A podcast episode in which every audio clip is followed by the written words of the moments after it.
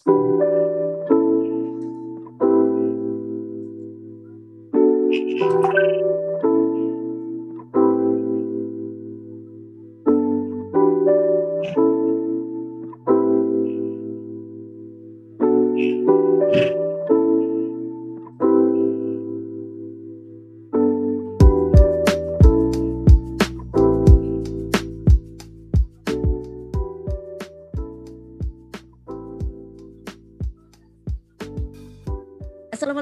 warahmatullahi wabarakatuh. Raisa, Radio Indonesia Sehat mendekatkan kamu yang ke rumah Healthy Radio. Halo Sobat Sehat, selamat pagi semuanya. Kami aturkan selamat pagi untuk Sobat Sehat yang mendengarkan pagi hari ini melalui radio aplikasi streaming dan juga melalui website kami di radioindonesiasehat.com. Selamat pagi dan terima kasih selalu setia untuk uh, menyimak topik-topik menarik dari Radio Indonesia Sehat Tak lupa juga saya mengucapkan selamat pagi untuk sobat sehat yang pagi hari ini sudah bersemangat untuk menyimak topik kita hari ini melalui Zoom meeting kami di Raisa Radio. Semoga Anda sehat hari ini ya sobat sehat dan kita terasa sudah puasa sudah mau memasuki pertengahan. Tentunya dengan kita menjalankan ibadah puasa akan lebih uh, semangat ketika apalagi kita tahu manfaat-manfaatnya. Pada kesempatan pagi hari ini Sobat Sehat bersama dengan saya Galuh kami akan uh, berbincang dengan narasumber kami yang telah kami hadirkan untuk Anda. Spesial ada Dr. Dr. Prabowo Suseno, spesialis penyakit dalam, konsultan geriatri, Fellow of the Indonesian Society of Internal Medicine, sarjana ekonomi, magister manajemen, atau biasa dipanggil dengan Dr. Probo. Dr. Probo akan menyampaikan bagaimana manfaat puasa puasa menyehatkan dan juga menyenangkan. Jadi silakan disimak selama satu jam ke depan. Dan Anda juga kami persilahkan untuk bertanya langsung melalui website atau melalui Zoom meeting kami. Langsung saja untuk Dokter Probo kami sapa dulu. Assalamualaikum, selamat pagi dok. Waalaikumsalam warahmatullahi wabarakatuh. Selamat pagi, kalau sahabat sehat di mana berada, sehat juga kan? Alhamdulillah puasa itu menyehatkan semua tasiku. Insya Allah kalau kita puasa pasti jauh lebih sehat dibanding pra puasa. Ya. Oke, puasa bisa menjadikan tubuh kita jadi lebih sehat ya dok ya. Mungkin betul, betul. mungkin saya akan uh, mengawali dengan uh, bertanya dulu dok, sebetulnya ya. puasa itu apa sih? Ya, puasa itu ada pertanyaan secara syariat. Puasa adalah menahan makan minum dan bersebadan dengan pasangannya yang sah sejak subuh sampai datangnya maghrib dengan niatan mengharapkan ridho Allah karena perintah Allah adalah dalam uh, surat Al-Baqarah 183 tujuannya menjadi orang bertakwa. Gitu deh definisi syariat itu puasa. Tapi puasa dalam arti medis adalah tidak makan minum dalam waktu tertentu namanya intermittent fasting atau interval fasting. Biasanya dikatakan intermittent fasting atau interval fasting kalau dia itu 8 sampai 18 jam. Itu kalau istilah kedokterannya. Baik, terima kasih dok. Tentunya berbeda dengan diet ya dok ya puasa dengan. Oh beda. Diet itu kan maknanya dihitung deh. Diet dihitung apa yang dimakan dihitung betul jangan sampai kelebihan atau kekurangan sehingga mendapatkan kondisi yang terbaik untuk dirinya sesuai dengan umur kegiatan kondisi dan lain sebagainya. Mungkin uh, kami persilahkan monggo dok kalau sudah bisa share screen. Oh ya, makasih. Jadi saya akan sampaikan para sahabat sehat di mana pun ada berada. Uh, ingat masa lalu saya masih masih muda. Jadi kalau saya mau cerita itu anu, kalau ini saya acara seperti ini anu. uh, bentar. Sebentar, ting ting ting. Kring. Yes, ya. Jadi sahabat sehat di mana pun anda berada, nah puasa itu uh, kalau tahu caranya itu mendapatkan bonus dua. Tuhan sayang, kita pun sehat dan senang, ya Tuhan sayang, kita pun sehat dan senang. Tuhan sayang, namanya menjadi orang kekasih Allah, namanya orang muttaqin, orang yang mulia, orang yang sempurna, orang yang dalam ilmu jiwanya, matus pribadinya tinggi, ya, matang pribadinya. Orang yang matang pribadinya itu kan ada sembilan ciri ya. Eh, menurut Profesor Tong Tata Khawari yang menatir dari para pakar ilmu jiwa dan dari WHO, dan itu Nah, kalau orang berpuasa mendapatkan semuanya dari aspek fisikal atau mendapatkan manfaat dari segi psikologi sosial itu juga mendapatkan keutamaan. Nah, puasa itu adalah tidak makan minum sejak fajar sampai terbenamnya matahari. Jadi ini ya. Puasa itu definisi itu yang di apa itu puasa ya tadi. Nah tetapi harus ditanya ada berapa macam puasa? Ada empat macam puasa itu di, di Galuh ya.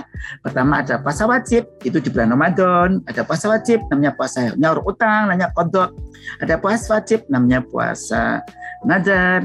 Ada puasa kifarat. Nah itu namanya puasa karena yang kelompok wajib. Ada juga yang haram. Kalau puasa masih dilarang Tuhan. Ada puasa Idul Fitri poso. Idul Adha puasa baru menstruasi puasa. Misalnya ada seorang wanita atau gadis ya eh, kurang satu jam pas ke belakang loh kok ngeplek? Udah keluar trip gitu. Kurang satu atau kurang sepuluh menit batallah puasanya. Nanti nyarok ya itu lainnya atau atau kemudian uh, nifas ya. Kemudian uh, apa termasuk haram adalah seorang istri yang puasa puasa sunat kemudian suaminya ada pada suaminya rindu banget pada itu puasa sunatnya. Nah, aku mah dek cen sini dong. Jangan nanti aja. Sekarang dong. Enggak nanti aja. Kalau suami itu kangen banget. Nah bagi suaminya pergi di luar negeri cari studi kemudian suami istrinya juga studi ketemu. Mau gitu aja kok enggak. Itu pada puasa sunat. Nah, itu cukupnya satu lah puisi isi, isinya justru haram kalau menolak ya.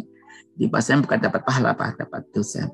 Ada puasa Senin, puasa Senin Kamis, puasa Dawud, puasa Arafah, puasa Syawal, dan puasa makro puasanya hari Sabtu saja atau Sabtu saja, Sabtu saja, Jumat saja itu ini dalam Islam uh, dianggap puasa makro.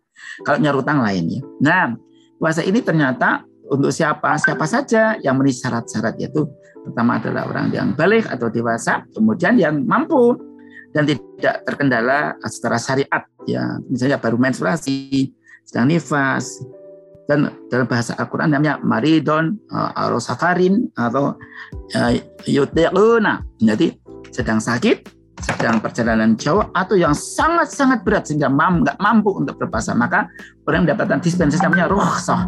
Suatu bisa nyari utang di hari lain atau bayar fidyah. Artinya tidak usah puasa tapi cukup bayar memberi makan satu hari maka harus memberi makan memberi makan satu hari orang lain.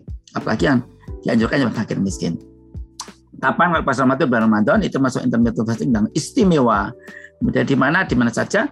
Di Indonesia enak nih 12 jam 13 jam. Tapi kan di Belanda teman saya di Belanda di Berlin lapor. Gimana? Wah selikur jam ya 20 jam ya uh, aku 19 jam. Ada juga kalau masih patah bergeser. Eh aku cuma 7 jam ya nanti dibaca kapan saja Ramadan mengapa? Karena harapan itu dan bagaimana? Ya puasa yang bagus itu kalau pasang ngajakan ide amal yang Ramadan itu mengajarkan PUASA ya. jadi kalau mengajarkan PUASA maka dapat manfaat yang sangat-sangat banyak. Karena puasa itu kalau dikerjakan dengan iman dan baca dengan ilmu dan perhitungan yang mantang, ilmu, iman dan peryakin pakai ilmu, itu mendapatkan kebaikan sangat banyak. Bukannya di hadapan Allah diampuni dosanya, tapi ya di medis, baik bio, psikososial, spiritual mendapatkan uh, apa ya, perbaikan ya. Nah, uh, apa saja itu amalan Ramadan? Pertama, uh, Ramadan itu ada P1, P2, P3, P4, P5. Ya, yang P1 itu ada puasa tingkat level awam, umum biasa. Cuma menahan perut dan bahas perut aja tidak makan dan bukan sektok sejak subuh sampai maghrib. Habis itu boleh ya, makan. Nah, yang ini nih level yang terendah ini tapi tapi ini udah manfaatnya banyak banget. Nah, kami risetnya punya punya riset sendiri punya riset dan riset teman-teman yang lain ya. Kemudian yang kedua puasa perkataan. Jadi kalau mengerjakan P1 itu ini udah dapat manfaat ya meskipun dari segi syariat, dari tasawuf, dari segi keimanan, dari akhlak itu levelnya belum tinggi, namanya puasa level bawah, am, umum, kebanyakan toh. Tapi kalau pengen khusus, host, nah ngerjakan P1, P2, P3, P4. Nah, apa itu P1-nya tadi berubah perut, makan dan konsep, dan puasa kedua puasa perkataan nggak boleh berkata ini tidak perlu. Jadi efisiensi dengan berkata-kata boleh kau berkata tapi harus baik dan benar berguna. Harus jadi apa pun penyiar itu Bah, kalau ini hari ini berbahagia, serumah tidak bagaimana Hanya berguna, harus baik benar berguna ya. Kalau ada gunanya eh, hati-hati tidak ada nggak usah berkata-kata karena berkata itu berguna membangkitkan semangat orang, menyenangkan orang, menghibur orang, mengurangi kesedihannya, meningkatkan motivasi apa saja. Harus perkataan yang terkendali. Nah, katakan falyakul khairan semut. Kalau nggak bisa ngomong baik, diamlah kau, kunci mulutmu. Itu berarti sudah puasa. Di berat tuh Nah, biasa hobinya kerajinan mulut, suka ngomong ya, ngerumpi orang ngegosip gitu ya. Nah, ini ya bagus. Kemudian yang ke yang ke Tiga, ada puasa pandangan mata, nggak boleh melihat yang yang tidak diperkenankan dilihatnya. Jadi kita nggak boleh melihat yang tidak boleh dilihat gitu. Kalau kita melihat yang tidak boleh dilihat, bahaya ya, nggak bagus karena otak itu ternyata merekam gambar lebih kuat dibanding merekam kata-kata. Kalimat yang saru itu ter, ter, tercetak kuat sekali, itu menghilangnya sulit sekali. Harus pakai hipnotik kan. Hipnotis baru hilang. Makanya hati-hati ya, sekali melihat itu bisa terkesan puluhan tahun. Karena itulah dalam dalam ilmu komunikasi dikatakan nah, ini komunikasi ya dan saya ngajarin ya uh, uh, melihat itu kadang lebih lebih baik dari seribu kata dan sate adalah cara membuat sate sate satu daging yang disunduk-sunduk alah sunduk sunduk sunduk adalah kita bayangkan sunduk kalau belum belum pernah melihat sate udah bayangkan sunduknya apa ya oh, bayangkan macam-macam itu lihat alah yang gitu toh jadi kadang gambar itu lebih bagus daripada seribu kata nah tapi repotnya kalau pandangan jelek itu bekasnya juga wah lebih dari seribu kata yang masuknya di dalam benak kita. Dan yang P4 adalah puasa perbuatan perangkat gerak dan tubuh. Jadi orang tadi berpuasa menahan diri di tangannya nggak binakal. Kan ada orang tidak benar tuh dari tangannya nakal gini, gini, gini, gini. Nah ini nakal, nakal ini nakal ini bisa nakal ini. Memegangnya dia bukan haknya, tanda tangan yang bukan uangnya dan sebagainya. Ini bisa orang tuh berbuat itu nggak perlu berkata-kata mencuri nyopet itu nggak perlu banyak bicara kan. Set, ambil set, selesai. Selingkuh itu nggak perlu pakai kata-kata. Tangannya main badannya mendekatkan kakinya melangkah udah jadilah. Nah ini level yang khusus tapi kalau yang super khusus namanya puasa namanya puasa sampai level pikiran. Wah kalau orang sampai ini sangat-sangat top ini ya. Sampai pikirannya nah mendengar perasaannya. Ya. Di, kalau melihat satu tidak kemudian tidak berlanjut memorinya mengatakan karena otak kita kan sangat pintar ya kayak kalau lihat seseorang itu mirip pembantu kan Pak Pro itu rewangku ya terus wah jengkel banget ada kayak demen kayak dia Pak Pro podo lah kan melanjutkan melihat saya aja langsung berkata-kata mbak apa suaranya Pak Pro mirip tetanggaku itu yang, yang bakul sate kayak. Ya udah ada jadi dan terus keringat Gigi Prabowo ya bakul sate kayak ya gitu. Nah ini jadi Bapak Ibu dari kata itu bisa membuat apa ya telinga indera kita tuh bisa mengembangkan pikiran kita sangat cerdas ya sudah sedang mendengarkan suara saya para sahabat sehat di mana pun berada. Sebenarnya mendengarkan suara saya ini pikiran bisa ngelantur ke mana loh ini. Tenan sambil gini pikirannya mirip masakan cucian setelikonan mau belanja apa jadi bisa bercabang. Dalam satu waktu itu mikirnya bisa lima macam itu bisa. Luar biasa otak kita ini. Mengelola nah, pikiran itu agak susah gitu nah itu deh. Makanya orang si level ini pikiranmu selalu berpikir bersikap berkata yang baik benar berguna. Wah ini yang keren banget itu. Kenapa? Itu di dalam surat fusilat ayat 41 46 ya surat 41 ayat 46 itu man amil salihan fali nafsi wa man asa'a faliha wa marbuka bidulam litinjoli barang siapa yang berbuat baik maka kebaikan kepada dia. Barang siapa berbuat jahat kejahatan menimpa pada dia. Ya, jadi sopo nanti bakal muduh-muduh wae pakar tining dewi-dewi ya. jadi di, uh, itulah. Banyak makanya orang yang beriman tuh atau yang mengaku beriman tuh paling nggak mengendalikan tadi. Itu baru P belum U nah kalau puasa yang bagus itu yang rasa sehat itu yang sumutasiku uh, unjukan darah yang bagusnya. Apa maksudnya? Dan ternyata ini apa yang dilakukan nih Prophet Muhammad SAW itu ternyata itu sangat-sangat modern, visioner ya, sangat-sangat ilmiah. Jadi orang-orang yang berpuasa ikuti sunnah itu justru lebih sehat. Malah harus sahur. Sahur itulah yang membedakan puasanya orang Islam dengan, dengan orang non-Islam. Pakai sahur yang Nah, di malam kayaknya Degalo ya ngomong-ngomong dengan Pak Prabowo ya. ya, ya jadi ya meskipun hanya segu air, jadi yang penting tadi pagi saya melaksakan akhirnya. Nah, bangun kurang tiga menit dan langsung minum selesai wes gimana gak nyanda waktunya lagi. Jadi minuman yang penting supaya kita sehat. Minuman diakhirkan, kalau makan obat tidak disegerakan di waktu akhir itu kemudian nanti kalau saatnya buka puasa segera begitu manjing atau sudah masuk segera minum yang manis yang mengandung cukup energi, memulihkan kekuatan, kesegaran, apalagi yang mengandung buah, mengandung kalium, mineral dan sebagainya, bahkan badannya segar sekali. Nah itu PU karena A. Apa amal Ramadan? Nah, para sahabat sehat di mana berada, ini yang membuat kesehatan spiritual kita. Apa itu? Al-Quran dikaji secara efisien efektif. Artinya tidak hanya sekedar puasa mandiri, makan minum yang terkendali dan pintar, tapi juga mengisi waktu dengan mengkaji petunjuk Tuhan kehidupan itu. Dan petunjuk Tuhan ini Allah ini uh, sangat lengkap ini, lengkap apa ini, lengkap sekali ini. Ini di sini ada apa tunjuk dipakai karena bagaimana apa bagaimana hidup yang benar kita di sini. Uh, lengkap ini. bangun tidur tidur lagi. Ada semuanya. Ya. semuanya ada di situ mana hmm, ada di situ dan atau masuk bagian memang atau hukum warisan semuanya ada di kemudian yang berikutnya lagi adalah uh, sholat dan doa dan zikir yang banyak ya. Inilah amal yang luar biasa. Selain pengajian petunjuk hidup sehingga kalau orang yang umurnya banyak itu harusnya udah mengkaji Al-Quran berkali-kali tapi kadang-kadang kan kenyataannya enggak gitu ya. Karena kita lupa diri setahun aja baca kita suci belum tentu bisa selesai ya belum tentu katam nah, ini ya nggak apa-apa sih. Tapi yang penting dapat beberapa ayat berapa surat Al-Quran ya.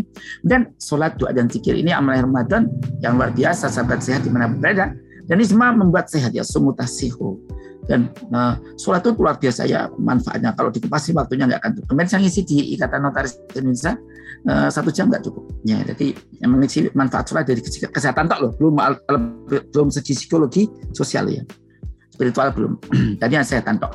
Kemudian doa dan zikir banyak doa saya la ilaha illallah astagfirullah as'aluka jannata wa a'udzubika minan Allahumma innaka afuwun tuhibbul afwa Ini doa pengakuan dosa doa memohon ampunan, doa memohon kasih sayang Allah, doa dihindarkan siksaan Allah, doa memohon doa surga kebahagiaan dunia dan akhirat luar biasa. Dan di bulan Ramadan itu Allah mengabulkan doa orang yang berpuasa, apalagi mendekati uh, adzan subuh, wah itu ampuh. Mendekati buka puasa, wah ampuh itu. Doanya sangat mustajabah ya. Berbanyak doa, apalagi pas sambil masak, menyiapkan masakan, masak mau buka puasa atau menata masakan. Ibu-ibu sekarang lebihnya menata masakan, masakannya pesan. Sampai jajan, wah istriku pinter. Iya dong, aku chef top, itu asisten saya Hadi. Baru makan mana tuh pas asistennya. Penata masakan gitu. Penata masakan dia ada penata gerak, penata waktu, penata acara, itu penata masakan. Jadi dan S yang kedua adalah sotakoh infak zakat itu diperbagus supaya baik sotakoh di bulan Ramadan. Dan itu manfaatnya luar biasa segi kesehatan sosialnya. Kemudian yang terakhir adalah sakit. Kalau sakit ikuti saran ahli. Jadi orang sakit bisa puasa loh, tapi ikut saran ahli. Nah nanti kita bisa kupas kalau kesehatan ya. Yang terakhir amal Ramadan adalah amati diri, mengadakan satu bentuk introspeksi mulat saril hal rosowani.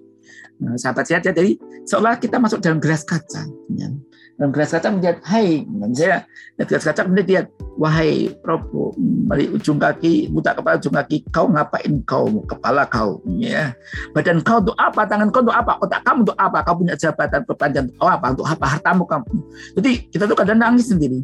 Pada waktu melihat uh, setelah kita masuk membuat hari hari Rahman ini introspeksi atau muhasabah ya self assessment itu kita jadi nangis, nangis saya sering nangis kalau di sebelah terakhir. Kenapa uh, saya tahu bahwa saya banyak kekurangannya. Saya bukan suami yang terbaik bagi istri saya pastilah.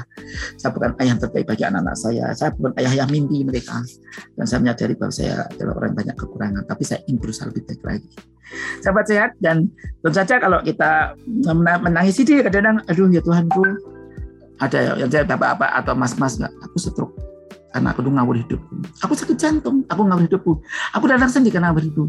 Aku jarang dikucurkan orang gara-gara kata-kataku, karena pasang mulutnya. Aku akan di, tidak dipercaya orang. Aku bisa gagal, kenapa? Aku mengkhianati mereka. Ya.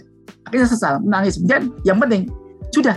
Jangan kemudian cemas, jangan depresi, kemudian sampai-sampai malah ambil selesai uh, apa ya bunuh diri ya tapi depresinya jangan sampai awal dan tidak apa segera di diberesin ya katarsis atau ventilasi akhirnya kita bisa segar kembali ya. Dan kita jadi meniti masa lebih kemudian kita mengatakan metamorfose gitu. Jadi kupu yang indah ya. Kira-kira gitu de Galo tentang manfaatnya sangat banyak nih. Nanti apa sekarang terserah. Saya mandat kepada presenternya Anjir, terima kasih banyak Dokter Bobo tadi sudah pengantarnya luar biasa sekali ya sobat sehat tentang bagaimana uh, puasa ini ternyata puasa macam-macam bentuknya dan juga puasa tidak hanya uh, menahan makanan minum saja tapi tingkatannya terkali puasa pikiran ya dok ya. Ya. Jadi kami juga mengundang untuk ada sobat sehat yang mau bertanya terkait dengan uh, manfaatnya puasa bagi kesehatan nih bersama dengan Dokter Prabowo Suseno. Dok, uh, terkait dengan puasa tadi manfaatnya ada banyak. Lalu sebetulnya kalau pada saat kita puasa nih yang terjadi pada tubuh kita ini seperti apa sih dok? Wah ini banyak banget ya. Dan kalau uh, apa yang terjadi pada tubuh kita itu dikupas kira-kira seperti ini. ini dah, dah belum ya? Oh udah macamnya.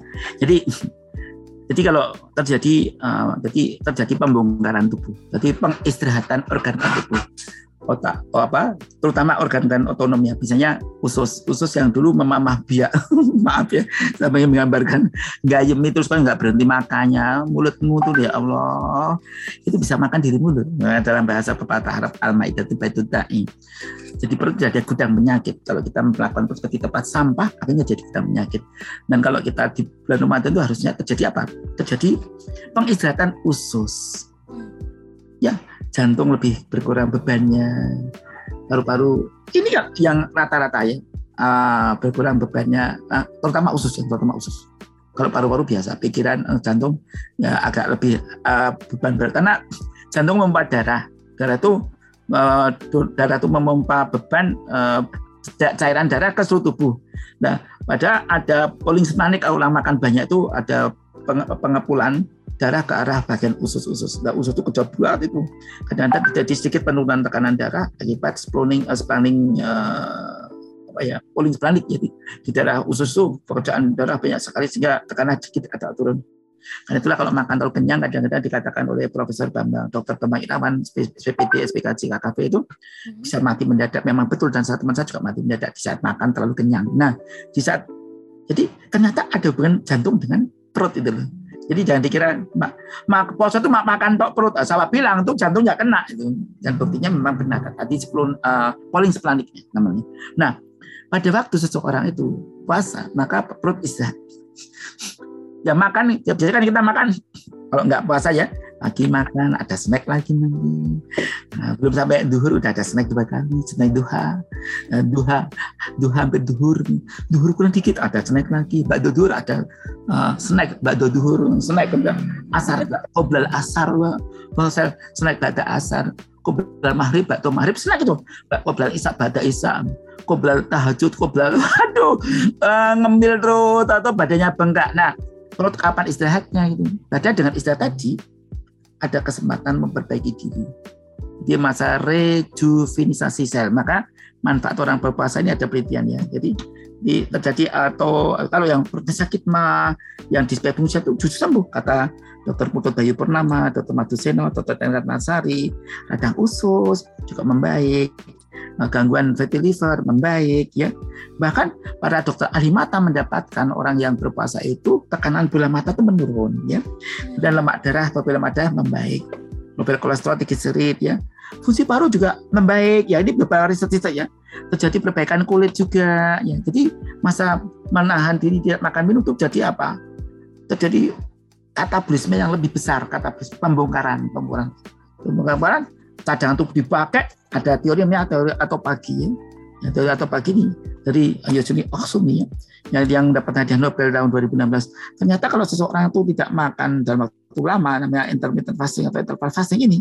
Jadi kurang lebih antara 8 sampai 16 jam terjadi protein khusus yang diproduksi autofagus menjadi tubuh keluar semua dan membersihkan mitokondria yang rusak-rusak. Bahkan mitokondria sel kanker yang jumlahnya lebih banyak pada dibanding orang sel eh, yang normal. Dan dia membutuhkan gula sampai 15 5 sampai 10 15 kali lebih banyak. Itu kemudian mendapat makan kelaparan dibongkar dimakan yang bagus dimakan mitokondria yang nggak normal dimakan dihancurkan dan bentuk mitokondria yang baru yang lebih segar lebih baik dan sampahnya dibuang dihancurkan dan yang bakal masih pakai direuse kembali jadi ini uh, jadi apa apa nih jadi terjadi apa perbaikan uh, perbaikan totalitas hampir seluruh tubuh ini uh, namanya otopagi dan ini ternyata tidak hanya itu, Dek. Ternyata dari segi neurologi terjadi perbaikan secara fungsi kognitif, ternyata terjadi neuroplastisitas ya. Jadi pada waktu orang berpuasa itu ternyata sel-sel kita itu sangat luar biasa cerdasnya memakan benda-benda keton sebagai sumber energi akibat pembakaran lemak itu. Jadi orang misalnya orang nggak puasa tadi nggak makan, yang yang dimakan tuh energi kita pagi tadi di kalau para sahabat sehat ya misalnya tadi tadi pagi sahur ya itu yang dimakan apa? Yang dipakai gerak itu. Ya energi yang tadi pagi itu. Itu jadi kalau orang habis makan minum itu kemudian dikelola tiga jam masuk jam usul diserap set, disedarkan. Masuk ke liver dulu racunnya dibuang. Di liver nanti disimpan namanya glikogen hati. Di hati tiada glikogen berarti cadangan gula di liver. Dan di bagian kejadian tubuh masih disimpan di otot namanya glikogen otot. Banyak dipakai untuk operasional. Nah itu nanti cadangan di otot dan di hati nanti tujuh jam habis. 7 jam ya dok ya? Hmm, kira-kira 7 jam bebas kemudian dibongkarlah cadangan-cadangan yang lainnya. Ya kadang-kadang lebih dari tujuh jam tergantung uh, dia makannya uh, apa dan yang kedua kegiatannya apa. Jadi kalau ya irit bisa sampai 9 jam ya. Tapi nggak sampai 12 jam. Nah, kemudian dibongkar, dibongkar, dibongkar ya. Membongkar apa lemak-lemak, cadangan lemak di pinggang ya. Di pinggangnya, di pinggang kanan, di pinggang kiri. Nah, ini uh, lemaknya dibakar itu. Nah, berapa gram itu tergantung kegiatannya dan kebutuhannya. Tubuh akan menyelesaikan kalau banyak kegiatannya, dia tergerak-gerak, oh, dibakar banyak itu. Nah, pembalaman lemak ini menjadi lemak bebas, PPTS, kemudian LDL, LDL, kemudian berubah jadi benda keton, dan dikulkas sebagai untuk energi otak. Nah, justru di situlah di situlah yang menarik karena uh, benda keton dipakai untuk otak, otaknya sangat bagus ya uh, interleukin 5 ya 6 uh, cuma penanda-penanda radangan untuk otak itu menurun semuanya. Yang utilisasi otak bagus kemudian jadi apa neuroplasitas jadi otaknya akan bisa dengan cepat dan lebih cerdas malahan. Maka justru kebanyakan uh, orang-orang di bulan puasa itu produktif kerjanya karyanya makin bagus makin bagus gitu itu? Iya, ya gitu. Nah radikal juga berkurang sehingga orang tampak awet muda makanya jangan kaget orang kalau berpuasa tuh kok kamu muda banget sih berarti umur kamu punya puasa sih gitu. Sehingga bapak-bapak usia 64 penampilan 46 pada 64 penampilan 46 nenek-nenek penampilan usia 65 penampilan 56 bisa 11 tahun lebih muda ya. Dan itu bisa benar-benar di Cina juga ada orang yang itu 70 tahun itu hampir tapi penampilan kayak anak masih remaja kayak usia 30-an ternyata dia menjaga radikal bebas. Banyak sayur buah membatasi jadi tetap gerak dan ternyata badan lebih, lebih baik. Dan itu hanya itu deh terjadi perbaikan merata termasuk sperm spermatosit penelitian dokter Warning sih. Penelitian saya juga mendapatkan ini uh, dari kulit juga ada dokter Muhammad Zawairi eksim jantung lebih cepat sembuhnya.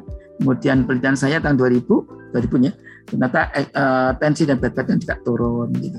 Gitu deh jadi terjadi pembongkaran tubuh jadi uh, tubuh itu kerjanya lebih efisien, lebih lebih lebih ya memang lebih bebannya berkurang. Tapi begitu nanti buka puasa, nah itu deh yang bahaya kalau buka puasa balas dendam. Jadi sahabat sehat, jangan puasanya balas dendam ya, sahabat sehat ya kita. Tapi kalau masih muda ya kadang-kadang masih kecolongan sih satu dua kali. Aduh, ini gratis nih, kusikat habis. Tidak akan kalau perlu ke bawah pulang ke rumah.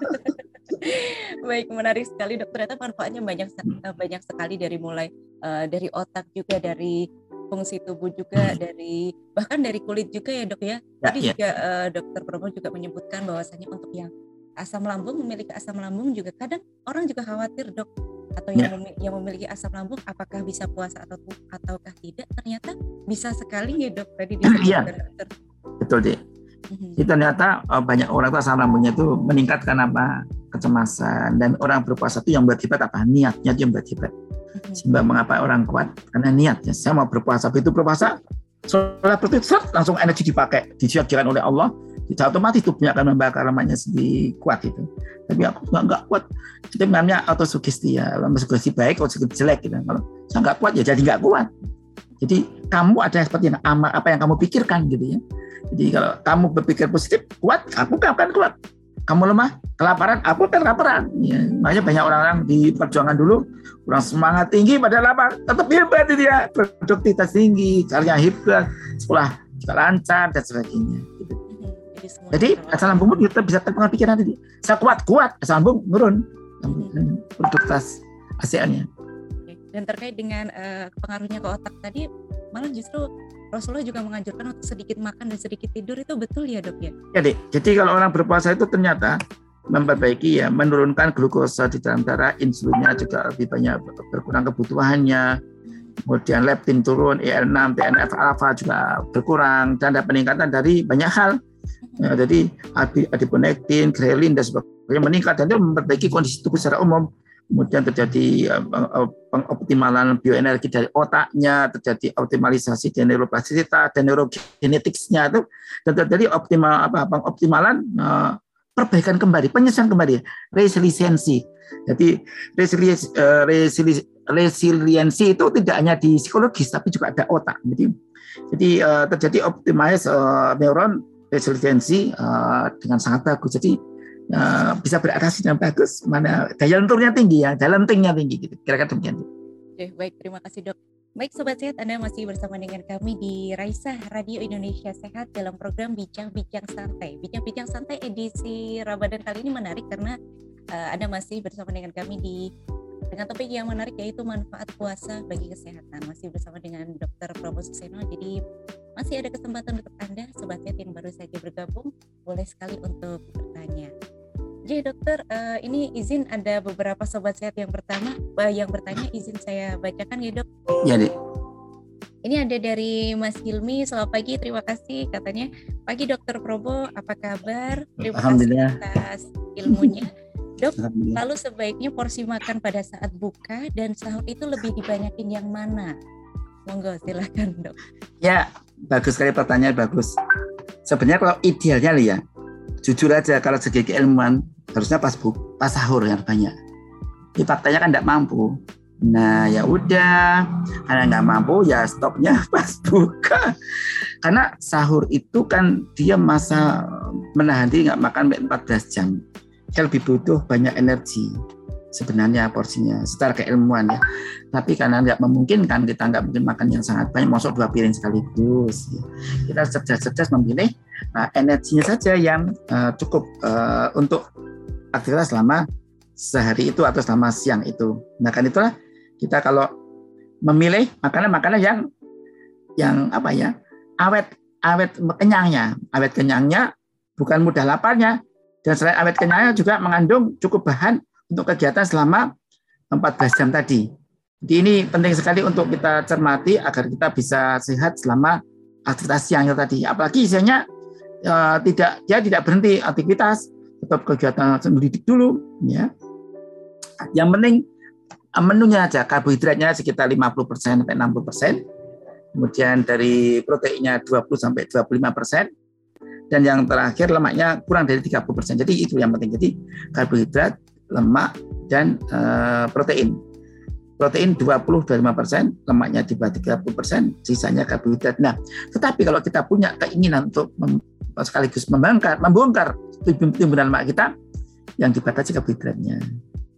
Yang karbohidrat dibatasi ya, seratnya ditambah. Nanti akan terjadi pembongkaran lemak-lemak tubuh. Lemak ya, jadi masih masih makan gula boleh, boleh. Apalagi yang punya penyakit paru-paru ya. penyakit paru seperti PPOK, penyakit paru yang kronis itu malah bagus kalau mengurangi karbohidrat dan gula eh, gula apa gula murni, gula jika sehari kita uh, disakarida atau monosakarida apa sukrosa fruktosa atau glukosa. Kemudian uh, perbanyak jenis lemaknya. Karena lemak ini uh, banyak. Uh, lemak ini tidak ada bahan sampah yang berupa CO2 sehingga nggak menyebabkan sesak nafas itu keistimewaannya makanya orang-orang yang sakit paru-paru lemak itu bagus ya. Energi apalagi minyak kelapa, wih bagus banget tuh. Bikin sendiri aja itu.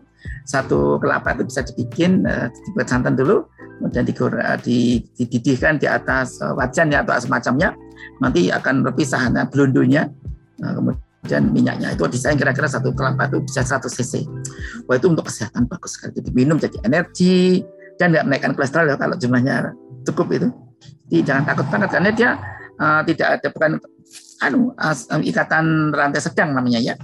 Jadi utilisasi energinya itu sangat cepat dipakai seperti orang makan gula. Nah, jadi kembali pada Mas Hilmi tadi ya, pertanyaannya kalau secara keilmuan sebenarnya itu harusnya pasal, tapi nggak mungkin. Maka kita harus pandai-pandai memilih bahan-bahan apa yang kalorinya cukup tinggi. Jadi kita makan sedikit kenyangnya lama atau gulanya nggak cepat turun dan tapi juga nggak salah kalau misalnya pas buka puasa banyak ya nggak apa-apa itu akan disimpan tapi jangan kaget ya nanti akan dibongkar lagi di waktu kalau kita makannya sahur kurang. Nanti bongkaran yang semalam kan dipakai semua. Jadi nggak apa-apa. Kalau tipe orang ada yang kuat banyak pagi, ada kuat kuatnya malam. Saya makan malam banyak oke okay lah. Tapi bikin gemulan ini karena begitu tidur mata tertutup, langsung terjadi anabolik reaksi anabolik. Ya melatonin akan dinaikkan, NKT akan dinaikkan, dan itu membentuk tubuh. Semakin banyak tidurnya, timbunan itu sekali timbunan dia kok kurang makan banyak, kemudian segera habis makan langsung tidur, kemudian tidak banyak aktivitas, gemuknya cepat banget itu. Gemuknya cepat sekali. Tapi kalau makannya ada jarak, misalnya sebelum tidurnya jam 9 malam, dia makan jam 5, nah, ini ada pembakaran dulu. Ada masa jeda pembakaran. Tapi sebegitu ngambil lagi bakwan telu. Waduh ya Allah. Minyak satu sendok teh di kalau ya satu sendok teh lima cc gini nih. Lima cc gini. Ini ini lima cc sama dengan piring seperempat. Tempat piring nasi itu. Jadi tambah saja. piring dok. Iya lima cc itu cuma ada 50 kalori. Sempat piring nasi. Hmm. bayangkan nasinya laki-laki loh. Tiga lo kan satu lima kalori. Laki-laki Pak Probo uh, anaknya Pak Probo yang laki-laki itu sekali makan 200 kalori. Wow. Mie instan goreng itu rata-rata ya. Eh, saya sebut mereknya ya itu 400 418 kalori ya kayak mie sedap goreng itu. Itu tinggi itu cuma dua piring itu dua piring lagi lebih lagi man jadi kalau mie instan seperti itu bisa dipakai dua orang sebenarnya. Itu cuma dua piring energinya loh ya bukan wujudnya. Jadi nah, kita pintar-pintar Mas Ilmi jadi Mas Ilmi jika milih kalau Mas uh, misalnya pengen energinya cukup banyak ya makan yang mengandung tinggi kalori. Tapi supaya awet maka harus tinggi serat gitu serat karena indeks glikemiknya yang rendah. Banyak tuh bisa banyak sekali indeks glikemiknya rendah tuh apa ya seperti pisang. Pisang tuh cuma 50 uh, indeks glikemiknya 52 dan pisang Ambon tuh uh, mengandung berapa? Pisang Ambon itu pisang Ambon ternyata kalorinya lumayan ya. Pisang Ambon kemudian ada pisang apa pisang roja kepok kepok ya rojo pisang rojo rojo. Ya pisang uh, ya pisang ambon itu 74 kalori ya. 74 uh, 74 kalori satu satu on dan itu dipakai berat bisa 62 menit. Hmm. Karena memang ini kebanyakan mungkin sobat sehat nih para para anak-anak kos nih dok. Kadang memilih ah, yang simple-simple begitu dok. Betul. Oke oke oke sama sama tuh mantan anak kos kok. ya teman-teman sahabat sehat di mana berada kalau sahabat sehat pakai goreng-gorengan ya nggak apa-apa ya Bismillah aja yang penting gerak aja selama itu gerak akan bikin gemuk deh jangan takutnya ya selama Bagaimana dengan mie instan dok? Kalau mie instan ini biasa favorit gerak, asal geraknya banyak deh mie instan itu kan kalorinya tinggi jadi yang goreng ya kalau yang rebus agak berkurang. Kalau mie mie gelas itu yang kecil yang harganya seribu rupiah itu itu 120 kalori itu. Setengah piring nasi lebih dikit energinya setengah piring nasi laki-laki bukan setengah piring nasi perempuan. 120 hmm. kalori. Itu bisa dipakai gerak satu jam eh kalau 120 kalori berarti dia bisa dipakai gerak satu jam 40 menit jadi mie, mie gelas satu itu yang kecil itu satu macam gelas itu, itu bisa dipakai satu jam 40 satu jam lebih 40 menit. Ya itu seperti pisang raja satu. Hmm. kalau pisang raja goreng pisang raja goreng pisang rajanya sendiri sudah. Sudah mengandung mengandung pisang raja goreng 126 kalori dipakai bisa untuk gerak satu jam 40 menit ditambah minyaknya. Minyak pisang goreng berapa sendok itu? Nah belum tepungnya. Nah tepungnya. Makanya teman-teman misalnya nggak punya uang makan pisang goreng satu tambah minum yang banyak udah cukup untuk sahur. Sebenarnya ya sebenarnya ya jujur. Ini kan nggak puas ya. Puas dengan cukup itu beda ya. Kepuasan lidah dengan kecukupan badan itu beda. Bagaimana misalkan kepuasan mulut itu biasanya kan kebutuhan tubuh. Kalau kebutuhan tubuh kita butuhnya satu hari 1500 kalori atau sibuk kan pekerjaan sebagai pelajar mahasiswa itu kan namanya pekerjaan ringan ya. Jadi in, uh, itu maksudnya dengan penyiar tuh ringan, cuap-cuap ya. ringan, guru dosen tuh ringan deh. Jadi kita tuh aktivitas semacam itu kita membutuhkan satu jam tuh kira-kira apa ya satu met itu kita kira-kira dibutuhkan uh, satu satu jam membutuhkan 72 kalori berarti cukup bakpia satu tuh bisa untuk ngomong satu jam. Iya satu ya dok ya. Hmm, kalau tadi itu hanya 72 72 kalori ya. Jadi kalau misalnya kita penyiar dus mahasiswa atau contohnya ya contoh pekerjaannya ya. Naik motor cuci piring satu jam ya. Saya, saya, saya, saya, saya ulangi. Ini menurut IPAC ya International International Physical Activity Questionnaire ya di tahun 2004 ya. Jadi Ternyata main komputer sambil duduk, naik motor, cuci piring, masak, naik angkutan umum, buang sampah, kemudian apa uh, main musik sambil duduk, kemudian main piano, gitar, berdiri, uh, main dengan cucu, berbaring-baring. Nah, ternyata main dengan hewan-hewan ya, baca koran itu cuma membutuhkan satu jam tujuh tujuh dua kalori. Itu dengan makan pisang satu cukup deh di kegiatan teman-teman apa? Kita bisa hitung tuh. Kalau itu kita kan hampir sama ya, kegiatan kita kan sama. Jadi kita tuh nggak banyak kegiatan, nggak banyak, nggak berat. Jadi kita bisa satu jam cuma 72 kalori itu laki-laki kalau perempuan lebih hemat lagi cuma 60 kalori Ya. Jadi kalau laki-laki dan perempuan itu sama-sama satu jam tuh lebih boros laki-laki. Gitu deh. Jadi kalau masih jangan ngitung tuh. Banyak perlu punya sahabat teman ahli gizi tuh. Nah, satu bersyukur ya, satu ngajar di gizi, tapi anak saya sendiri, anak kandung saya namanya Mbak Pipit itu memang SGZ ya kalau ambil ini karena alhamdulillah jadi saya dapat ilmu juga dari anak saya saling dapat share itu gitu deh kalau jadi memang uh, ini sobat saya uh, sudah perlu nih untuk mencari tahu kalorinya kalau makan ini seberapa dan mensinkronkan antara uh, katanya mulut dan juga katanya tubuh begitu gitu ah, betul. betul betul betul betul betul, betul. Jadi tubuh kita kadang sudah merasa cukup tapi mulut kita kadang kurang puas. Jadi untuk mensinkronkan itu semua gitu ya. Lalu dok, eh, mohon izin saya lanjut untuk membacakan. Ini banyak sekali yang bergabung. Alhamdulillah nih dok. Yeah. Ada yeah. Mbak Septi Aulia. Selamat pagi dokter. Mohon izin ya. bertanya. Yeah. Kalau pada ibu hamil apa dampak atau manfaat berpuasa pada kehamilannya? Matenun. Wah bagus sekali pertanyaan ini. Saya pernah undang pakar uh, dosen uh, of skin FKUGM ya Nah, dan saya sudah tanya banyak pakar ya, pakar-pakar dosen-dosen UGM yang dokter obstetrik ginekologi atau dokter kandungan ini. Dan kami punya seminarnya itu ya. Jadi nah,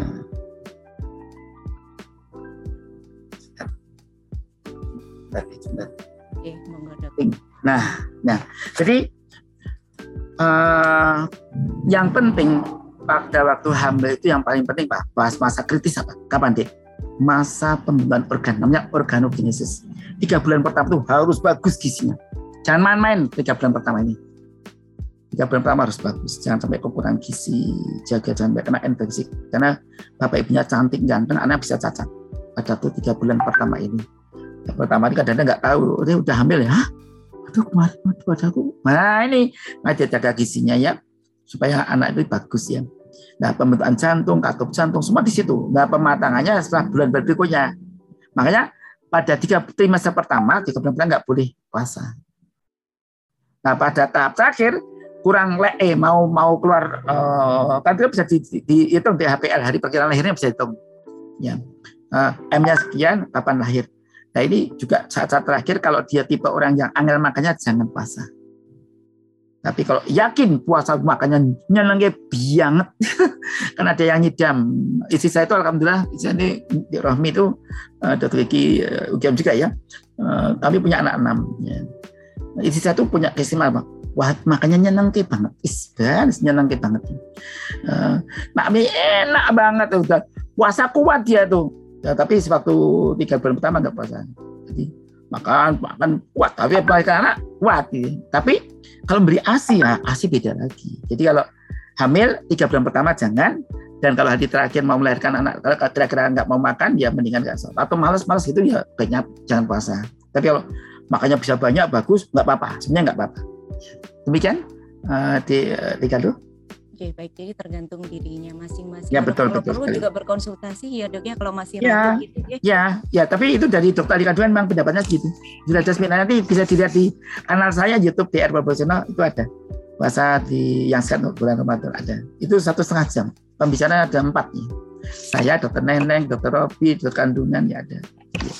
Oke, baik. Terima kasih dok. Jadi langsung meluncur saja nih Sobat Sehat. Nanti kalau mau pengen tahu lebih jauh di YouTube channelnya Dokter Probo. Ya ternyata Dokter Probo ini YouTuber juga ya. Ah, tapi ini untuk membagi ilmu.